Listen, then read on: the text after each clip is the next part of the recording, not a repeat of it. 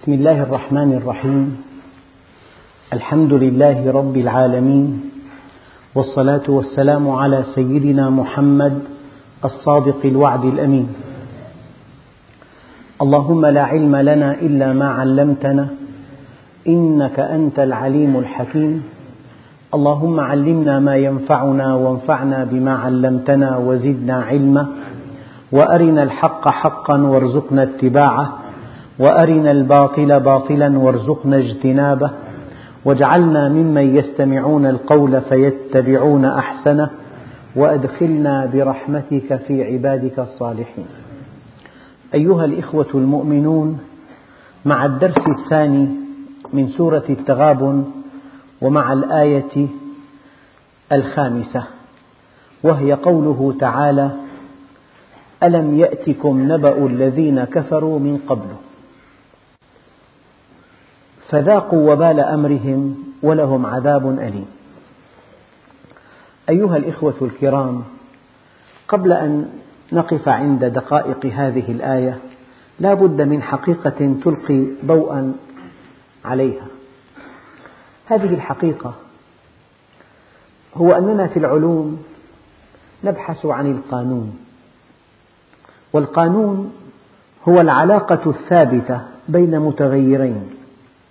هذه العلاقة الثابتة تفيدنا في معرفة المستقبل في التنبؤ في المستقبل. أوضح مثل على هذا أننا إذا جئنا بعشرات المعادن وسخناها فتمددت استنبطنا قانون أن المعادن تتمدد بالحرارة. فإذا أردنا أن ننشئ جسرا نقيم فواصل تمدد لئلا يتصدع الجسر. القانون أفادنا للمستقبل. نحن استقرأنا حالات معادن كثيرة. وجدناها جميعها تتمدد بالحرارة. فقلنا المعادن تتمدد بالحرارة. هذا القانون هي العلاقة الثابتة بين متغيرين يفيدنا في التنبؤ للمستقبل. لا نقيم بناء إلا مع فواصل التمدد. لا نقيم جسرا إلا مع فواصل التمدد. أيها الإخوة الآن الإنسان يرى فعل الله في الناس. يستطيع الإنسان من خلال فعل الله في الناس أن يكتشف قوانين. مثلا المال الحرام يذهب من حيث أتى. هناك مليون قصة تؤكد هذه الحقيقة. الذي يعف قبل الزواج يسعد بعد الزواج. والذي ينحرف قبل الزواج يشقى في الزواج. أنت إذا تتبعت أفعال الله في خلقه وأنت مأمور بذلك قل سيروا في الأرض فانظروا كيف كان عاقبة المكذبين. إن تتبعت أفعال الله في خلقه لاستنبطت عشرات القوانين. هذه القوانين ما فائدتها؟ أنها تفيدك في المستقبل. في المستقبل. يعني من إذا علمت أنه من أعرض عن ذكري فإن له معيشة ضنكا. آلاف القصص عشرات ألوف القصص. كل إنسان أعرض عن ذكر الله سيذوق المعيشة الضنك. وكل إنسان آمن بالله واستقام على أمره من عمل صالحا من ذكر أو أنثى وهو مؤمن فلنحيينه حياة طيبة. أي قانون؟ نحن نريد من هذه الآيات أن نعرف أن أي إنسان انحرف عن منهج الله كفر بالله كفر بكتاب بكتابه لم يعبأ بمنهج الله هذا الإنسان سوف يدفع الثمن باهظا. إذا إذا نظرنا في أفعال الله كيف يعامل عباده؟ لاستنبطنا قوانين. وإذا قرأت القرآن لوجدت هذه القوانين. إما أن تستنبطها من أفعال الله وإما أن تعرفها من كلام الله. يعني يمحق الله الربا. هذا قانون. ويربي الصدقات هذا قانون. تحب أن ترى المرابين ما مصيرهم؟ دقق وابحث وانظر. تحب أن ترى المتصدقين ما مصيرهم؟ سلامة وسعادة وغنى. والذين يعملون في كسب المال حراما شقاء ودمار هم وأموالهم. فأنت إما أن تنظر وإما أن تقرأ.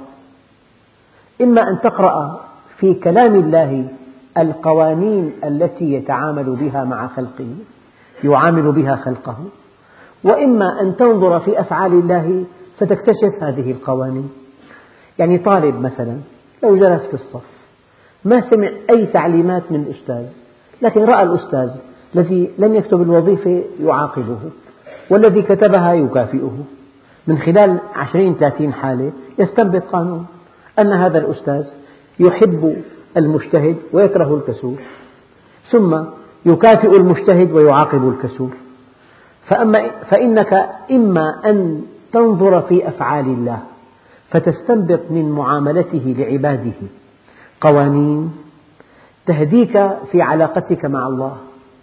وإما أن تقرأ كلامه فتقرأ القوانين الذي ذكرها في كتابه الكريم تستفيد منها في علاقتك مع الله. هذه المقدمة تفسر قول الله عز وجل ألم يأتكم يا كفار مكة؟ طبعا قد تتجه الآية إلى أشخاص معينين لكن عموم اللفظ لا يلغي خصوص المناسبة لا تلغي عموم اللفظ عموم الخطاب. ألم يأتكم نبأ الذين كفروا من قبل؟ فذاقوا وبال أمرهم. هذا التاريخ أمامك. اقرأ تاريخ الأمم والشعوب. هل هناك أمة تفلتت وانحرفت وطغت وبغت إلا وانتهت إلى الدمار والتحلل والتفكك والانهيار الاقتصادي والاجتماعي. أبدا هذا قانون لله عز وجل. يطبق على المجموع ويطبق على الأفراد. كإنسان وحيد إذا انحرف عن منهج الله لا بد من عقاب لا بد من تربية لا بد من تذكير لا بد من صدمة كي يصحوا بها. والمجموع إذا انحرفوا ضرب الله مثلا قرية كانت آمنة مطمئنة يأتيها رزقها من كل رغدا من كل مكان فكفرت بأنعم الله فأذاقها الله لباس الجوع والخوف بما كانوا يصنعون. إذا الإنسان كما قال عليه الصلاة والسلام أمرني ربي بتسع خشية الله في السر والعلانية. كلمة العدل في الغضب والرضا. القصد في الفقر والغنى. وأن أصل من قطعني. وأن أعفو عمن ظلمني. وأن أعطي من حرمني. طبعا موطن الشاهد. وأن يكون صمتي فكرا. ونطقي ذكرا. ونظري عبرة. صمتي فكرا. أن يكون صمتي فكرا ونطقي ذكرا ونظري عبرة. انظر هل واحد من الناس تفلت من منهج الله ولم يعاقب؟ هل واحد من الناس كسب المال الحرام ولم يدمر؟ هل واحد من الناس تفلت في علاقته مع النساء ولم يشقى بزواجه؟ أبدا. من عمل صالحا من ذكر أو أنثى وهو مؤمن فلنحيينه حياة طيبة. بل إنه يستحيل يستحيل عند الله. إما أن تؤمن بالله وعدالته وإما أن لا تؤمن لا بوجوده ولا بعدالته. قال تعالى أم حسب الذين اجترحوا السيئات أن نجعلهم كالذين آمنوا وعملوا الصالحات سواء محياهم ومماتهم ساء ما يحكمون. الآن ربنا عز وجل يقول ألم يأتكم نبأ الذين كفروا من قبل؟ معنى كفروا يعني أعرضوا عن الله عز وجل. معنى كفروا يعني كذبوا. يعني كذبوا إما أن توسع الدائرة كذبوا بوجود الله كذبوا وجود الله أو كذبوا أسماءه الحسنى كذبوا رحمته كذبوا عدله كذبوا حكمته كذبوا تشريعه أو كذبوا رسالة رسوله وبعثة الأنبياء أو كذبوا قرآنه أو كذبوا فقرات من قرآنه. هذا التكذيب يضيق ويتسع. يتسع حتى يشمل كل شيء ويضيق حتى يبقى محدودا بشيء. على كل كذبوا. ألم يأتكم نبأ الذين كفروا من قبل؟ الحقيقة الكفر في شيئين في موقف وفي سلوك. الموقف تكذيب أما السلوك إعراض عن الله عز وجل. أحيانا طالب في في صف الأستاذ أمامه ملء السمع والبصر لكنه لا يعبأ بدرسه يتشاغل يتشاغل يلعب بقلم وورقة ألعابا ليشغل نفسه عن درس الأستاذ. هو يكفر لا بوجوده يكفر بقيمة علمه. فالكفر أنواع. لمجرد أن ترد آية.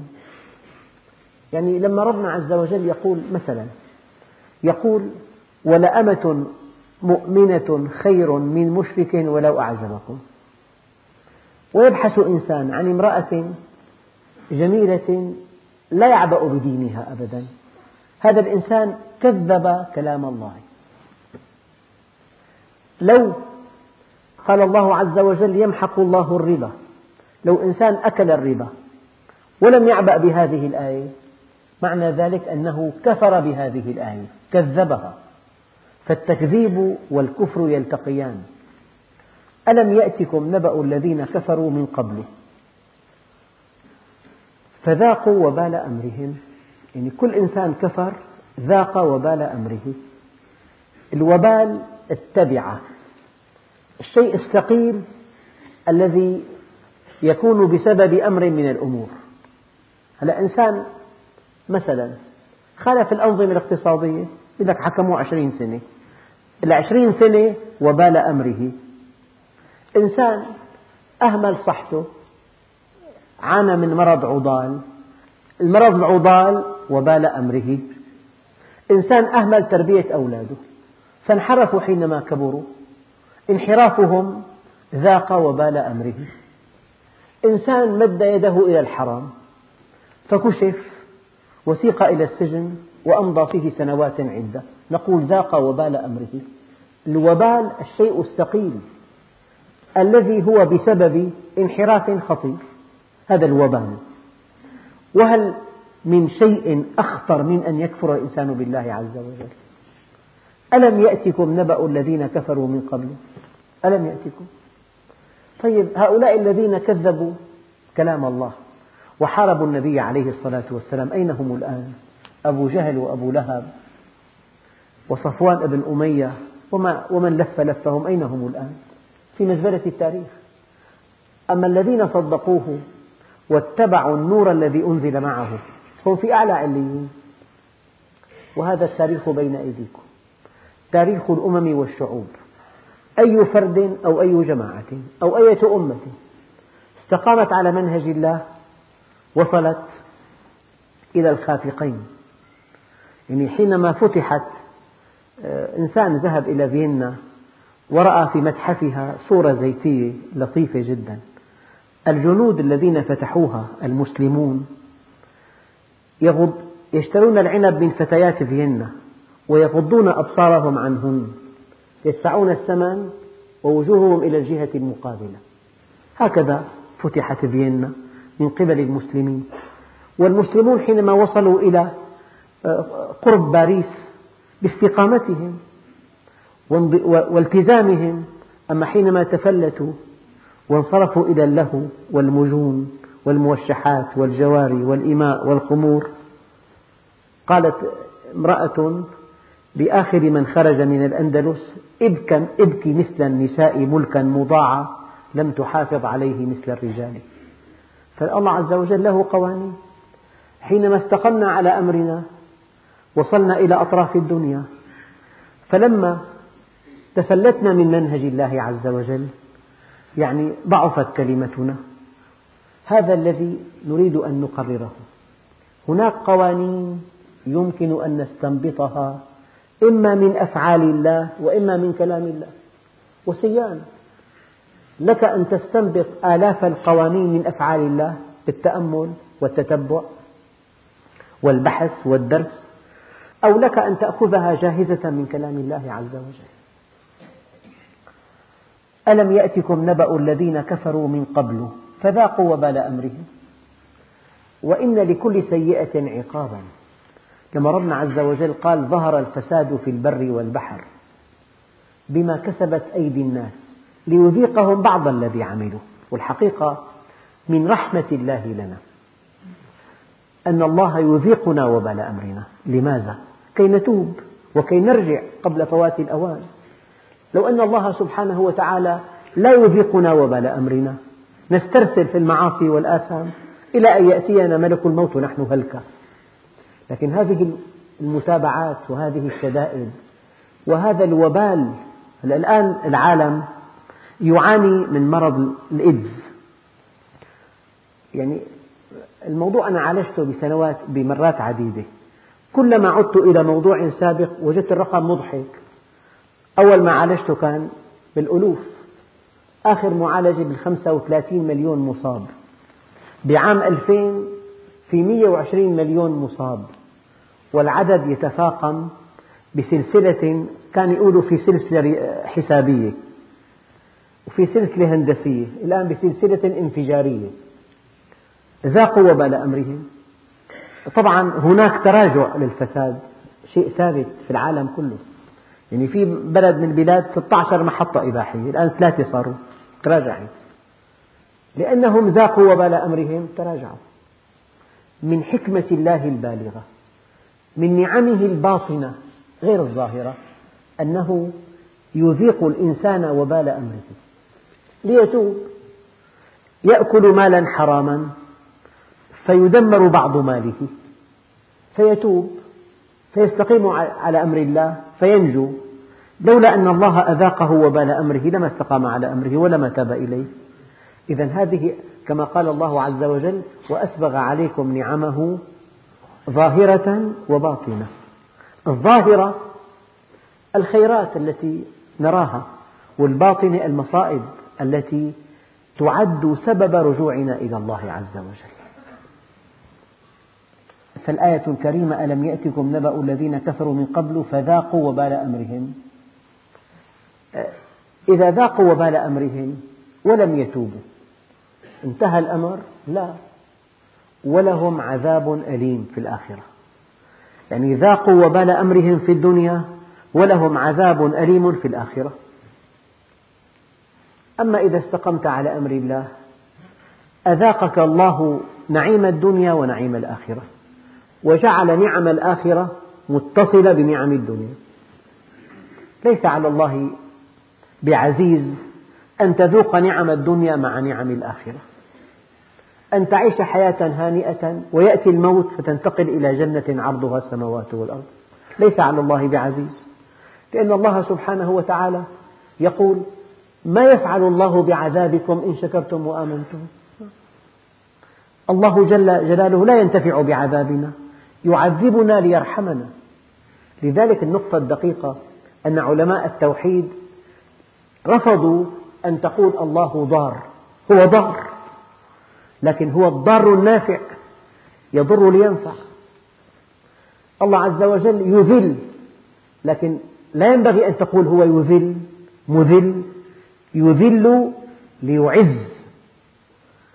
الله جل جلاله يخفض لكن ليرفع يقبض ليبسط يأخذ ليعطي يأخذ ليعطي ويقبض ليبسط ويذل ليعز ويخفض ليرفع.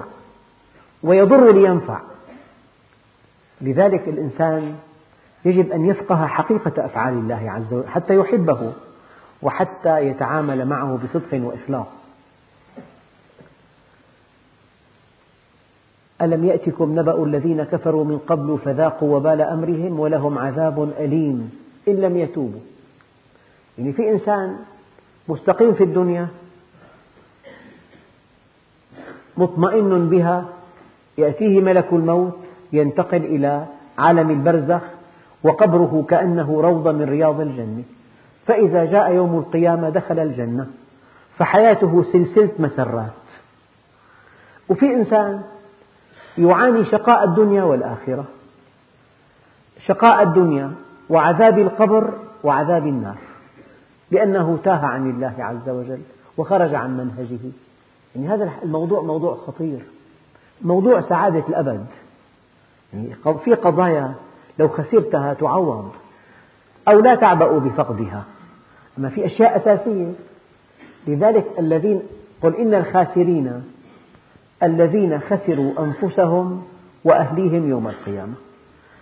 الخسارة الحقيقية أن تخسر الآخرة. الشيء الدقيق سأضعه بين أيديكم.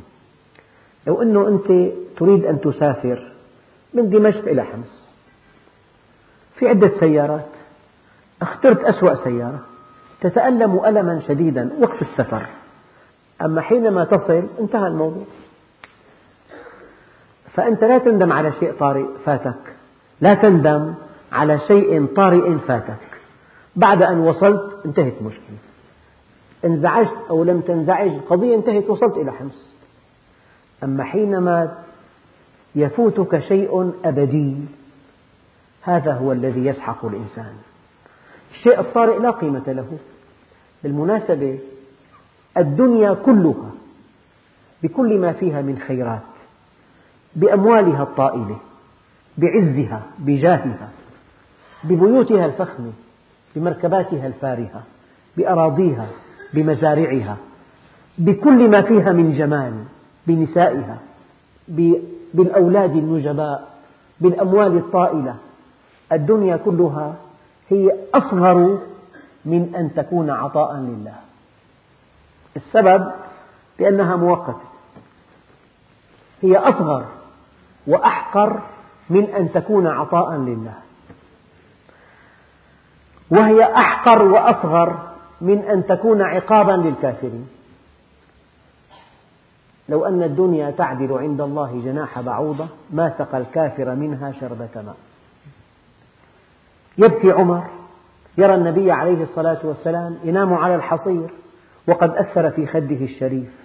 سيد العالمين سيد ولد آدم حبيب الله سيد الرسل. ما في وسادة ما في فرشة فخمة مريحة يعني نوابض على قطن على سفنج شيء مريح. ما في مخدر نعام ما في. قال رسول الله ينام على الحصير وكسرى ملك الفرس ينام على الحرير. بكى عمر. قال يا عمر أفي شك أنت؟ إنما هي نبوة وليست ملكا. أما ترضى أن تكون الدنيا لهم والآخرة لنا؟ هذا نبي الله. غرفته صغيرة بيته صغير. حياته خشنة. كان يقول اللهم أحيني مسكينا وأمتني مسكينا واحشرني مع المساكين. كان عليه الصلاة والسلام متواضعا. كان إذا دخل عليه الغريب الذي لا يعرف يقول أيكم محمد؟ من هو؟ ما بيعرفه طيب ما له مقعد خاص؟ جلسة خاصة زاوية خاصة مكان خاص مع أصحابه أيكم محمد؟ مرة قال له صحابي ذلك الوضيء. ومرة قال له النبي أنا قد أصبت ليس له شيء متميز. اللهم أحيني مسكينا وأمتني مسكينا واحشرني مع المساكين. التقى جاءه عدي بن حاتم وكان ملكا. التقى به رحب به أخذه إلى بيته. يقول عدي بن حاتم أنا أعلم أنه ملك. فلما استوقفته امرأة في الطريق ضعيفة وقف معها طويلا يكلمها في حاجتها. فقلت في نفسي والله ما هذا بملك؟ ما هكذا شأن الملوك؟ ثم دخلت بيته فقذف إلي وسادة من أدم جلد محشوة ليفا. قال اجلس عليها. قلت بل أنت؟ قال بل أنت. قال فجلست عليها وجلس هو على الأرض. ما في ثنتين عنده؟ بس واحدة. ثنتين ما في. في بيت فيه 12 طقم كنبات. 400 متر. كل غرفة نوع. هي شرقي هي غربي هي مد عربي هي الويكنز هي أمريكاني ما عنده غير وسادة واحدة. من أدم محشوة ليفا قال اجلس عليها. قلت بل أنت؟ قال بل أنت. فجلست عليها وجلس هو على الأرض. قلت والله ما هذا بأمر ملك. قال إيه يا عدي بن حاتم؟ ذكر له أشياء كثيرة. لكن استوقفني في هذه القصة ثلاث عبارات. قال لعله يا عدي إنما يمنعك من دخول في هذا الدين ما ترى من حاجتهم. أصحاب فقراء ويم الله ليوشكن المال أن يفيض فيهم حتى لا يوجد من يأخذه. تأتي الدنيا وهي راغمة. أوحى ربك إلى الدنيا أنه من خدمك فاستخدمي ومن خدمني فاخدمي. ولعله يا عدي إنما يمنعك من دخول في هذا الدين أنك ترى أن الملك والسلطان في غيرهم المسلمون ضعاف. فقراء أولا وضعاف. مستضعفون. ونريد أن نمن على الذين استضعفوا في الأرض. قد يكون ليس لك شأن عند الناس. شخص عادي جدا بوظيفة متواضعة جدا بدكان صغيرة جدا بدخل قليل جدا ببيت خشن ضيق بزوجة من الدرجة الخامسة. ماشي الحال. وقد تكون عند الله كبيرا وقد تكون علما في السماء. وقد قال النبي لأحد أصحابه الفقراء أهلا بمن خبرني بقدومه جبريل. قال أو مثلي قال نعم يا أخي. في الأرض خامل لكنك في السماء علم. قال له ولعله يا عدي إنما يمنعك من دخول في هذا الدين ما ترى أن الملك والسلطان في غيرهم. فقراء وضعاف. والله ليوشكن أن تسمع القصور البابلية قد فتحت لهم. ثالثا ولعله إنما يمنعك من دخول في هذا الدين ما ترى من كثرة عدوهم. العالم كله ضد الإسلام. أينما ذهبت ويم الله ليوشكن أن تسمع بالمرأة البابلية تحج هذا البيت على بعيرها لا تخاف. ولقد عاش عدي حتى رأى كل هذه البشارات بعينه. إذا أنت مشيت مع الله عز وجل الله كبير. كل شيء بيده. بس يريد أن يمتحن صدقك. يريد يريدك أن تطيعه دون أن تطمع بنواله في الدنيا. أطعه وكفى لا تنظر إلى نواله في الدنيا. اجعل همك أن تطيعه. والله عز وجل هو يتولى أمرك إذا فذاقوا وبال أمرهم ولهم عذاب أليم. أخواننا الكرام لا تكن لا تمر على الأحداث مر الكرام. ما من حدث إلا وله معنى كبير معنى كبير ومعنى خطير. ما من حدث من أحداث الحياة ما من فعل من أفعال الله إلا وله دلالات كبيرة. تأمل تبصر كما تدين تدان. البر لا يبلى والذنب لا ينسى. البر لا يبلى والذنب لا ينسى. كما تدين تدان.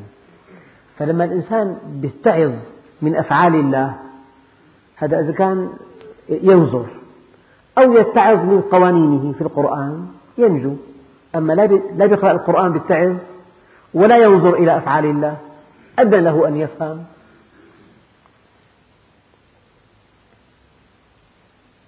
في قرية على الساحل الأطلسي. يعني كل أنواع المعاصي والآثام المقبولة وغير المقبولة. طبعا كلها غير مقبولة بس في شيء غير معقول ترتكب في هذه القرية من أجمل المدن على الساحل الأطلسي. وفيها فنادق من أرقى مستوى. أصابها زلزال دمرت عن آخرها في ثلاث دقائق. أكبر فندق كانت تجري فيه المعاصي والآثام. هذا الفندق ثلاثون طابق. غاص كله في الأرض.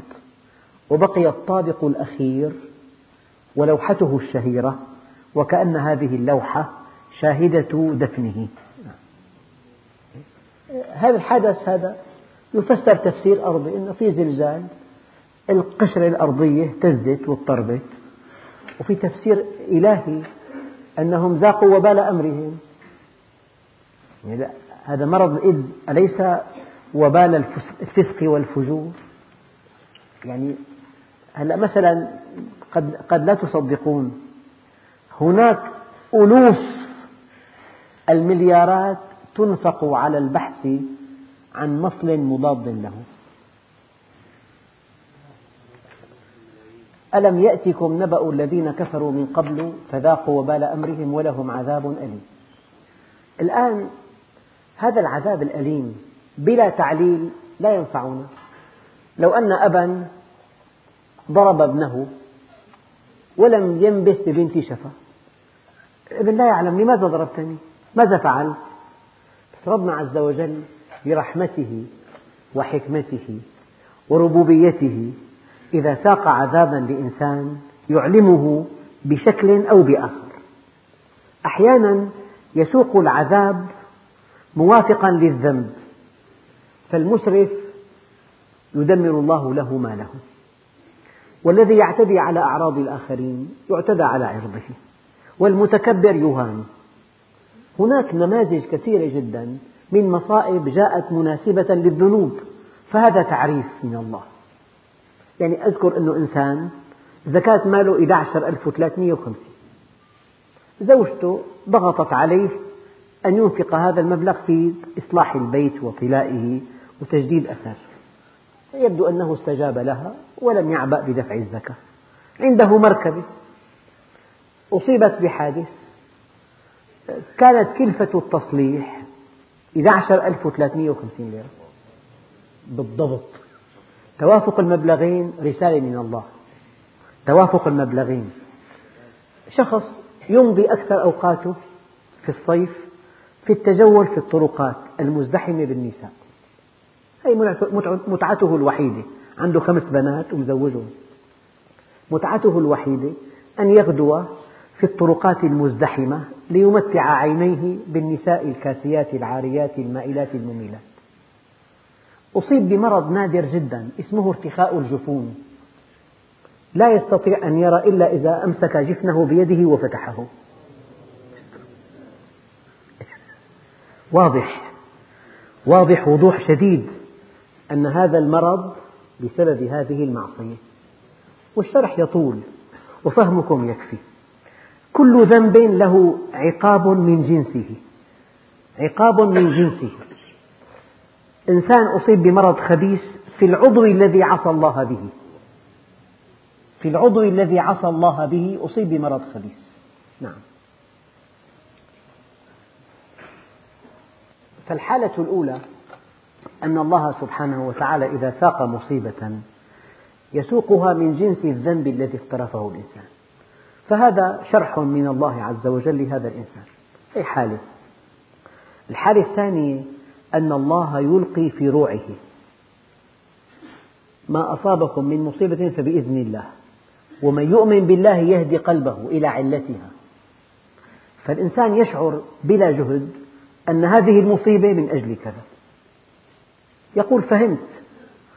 أحد الإخوة الأكارم جاءه شخص ليشتري حاجة من حاجات معمله.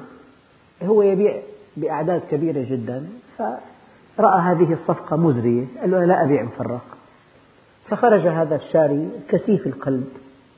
يقول لي هذا الأخ 30 يوم ما دخل زبون لمعملي. فهم على الله. هي مقابل هي فإذا واحد بلغ درجة الفهم نعمة كبيرة. من نعم الله الكبرى أن تفهم على الله أفعاله. هذه نعمة كبيرة. فإما أن تفهم على الله أفعاله وإما أن يأتي العقاب مشابها للذنب وإما أن يلقي الله في روعك وإما أن يسخر من يخبرك بأن هذا الذنب عقابه كذا. الآن ربنا قال ألم يأتكم نبأ الذين كفروا من قبل فذاقوا وبال أمرهم ولهم عذاب أليم؟ ذنبهم؟ قال ذلك بأنه كانت تأتيهم رسلهم بالبينات. الأنبياء معهم الكتب والأدلة والبراهين والعلامات الدالة على وجود الله وعلى عظمته ذلك بأنه كانت تأتيهم رسلهم بالبينات فقالوا أبشر يهدوننا؟ كفروا بنبوة الأنبياء. توهموا أنه لا يليق بإنسان أن يكون رسولا. لو جاءك ملك رسول وقال لك غض بصرك عن النساء. تقول له ماذا؟ أنت ملك يا أخي نحن بشر. يجب أن يكون الرسول من بني البشر لتجري عليه كل خصائص البشر وليكون حجة على البشر. لا يمكن إلا أن يكون النبي والرسول بشرا. من أجل أن يرسخ المبادئ التي جاء بها. أنه أنت كمبادئ نظرية سهلة لكن ما الذي يمنعك من تطبيقها؟ الدوافع الكامنة في نفسك. فإذا رأيت بشرا مثلك يطبقها. هو حجة عليك. فقال ذلك بأنه كانت تأتيهم رسلهم بالبينات فقالوا أبشر يهدوننا؟ فكفروا. كفروا بنبوة الأنبياء وكفروا برسالة الرسل. وتولوا. طبعا الكفر تكذيب وإعراض. كفروا وتولوا. لم يعبأ. لا بالصلاة ولا بالصوم ولا بالحج ولا بالزكاة. ولم يعبأ لا بطلب العلم ولا بتعليم العلم ولا بالقرآن ولا بتفسيره ولا بالحديث ولا بتفسير وتولوا. واستغنى الله. يا الله عز وجل غني عن عباده كلهم. لو أن أولكم وآخركم وإنسكم وجنكم كانوا على أفجر قلب رجل واحد منكم. ما نقص في ملكي شيئا. ولو أن أولكم وآخركم وإنسكم وجنكم كانوا على أتقى قلب رجل واحد منكم. ما زاد في ملكي شيئا. ذلك بأنهم كانت تأتيهم رسلهم بالبينات فقالوا أبشر يهدوننا فكفروا وتولوا واستغنى الله والله غني حميد. غني عنا لكنه لا يعاملنا إلا بما يحمد عليه. أنت قد تستغني عن إنسان فتهمله قد تستغني عنه فلا تنصحه. قد تستغني عنه فلا تؤدبه. قد تستغني عنه فلا تعطيه. لكن الله سبحانه وتعالى مع أنه غني عنا لا يعاملنا إلا بما نحمده عليه. لذلك ورد في الأثر يا داود لو يعلم المعرضون انتظاري لهم وشوقي إلى ترك معاصيهم لتقطعت أوصالهم من حبي ولماتوا شوقا إليه. هذه إرادتي بالمعرضين فكيف بالمقبلين؟ كيف؟ لذلك قالوا إذا قال العبد يا رب وهو راكع قال الله لبيك يا عبدي. فإذا قال يا رب وهو ساجد قال له لبيك يا عبدي. فإذا قال يا رب وهو عاص قال لبيك ثم لبيك ثم لبيك. يعني الله عز وجل ينتظرنا ينتظرنا. إذا رجع العبد العاصي إلى الله نادى مناد في السماوات والأرض أن هنئوا فلانا فقد اصطلح مع الله. وأنت حينما تتوب إلى الله يفرح الله بك.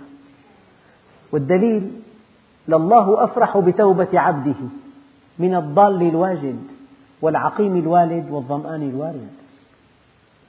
وحينما تتوب إلى الله وتصطلح معه كيف أن البدوي الذي فقد ناقته فأيقن بالهلاك فجلس يبكي حتى أدركه النعاس فاستيقظ فرأى الناقة أمامه من شدة فرحه اختل توازنه قال يا ربي أنا ربك وأنت عبدي؟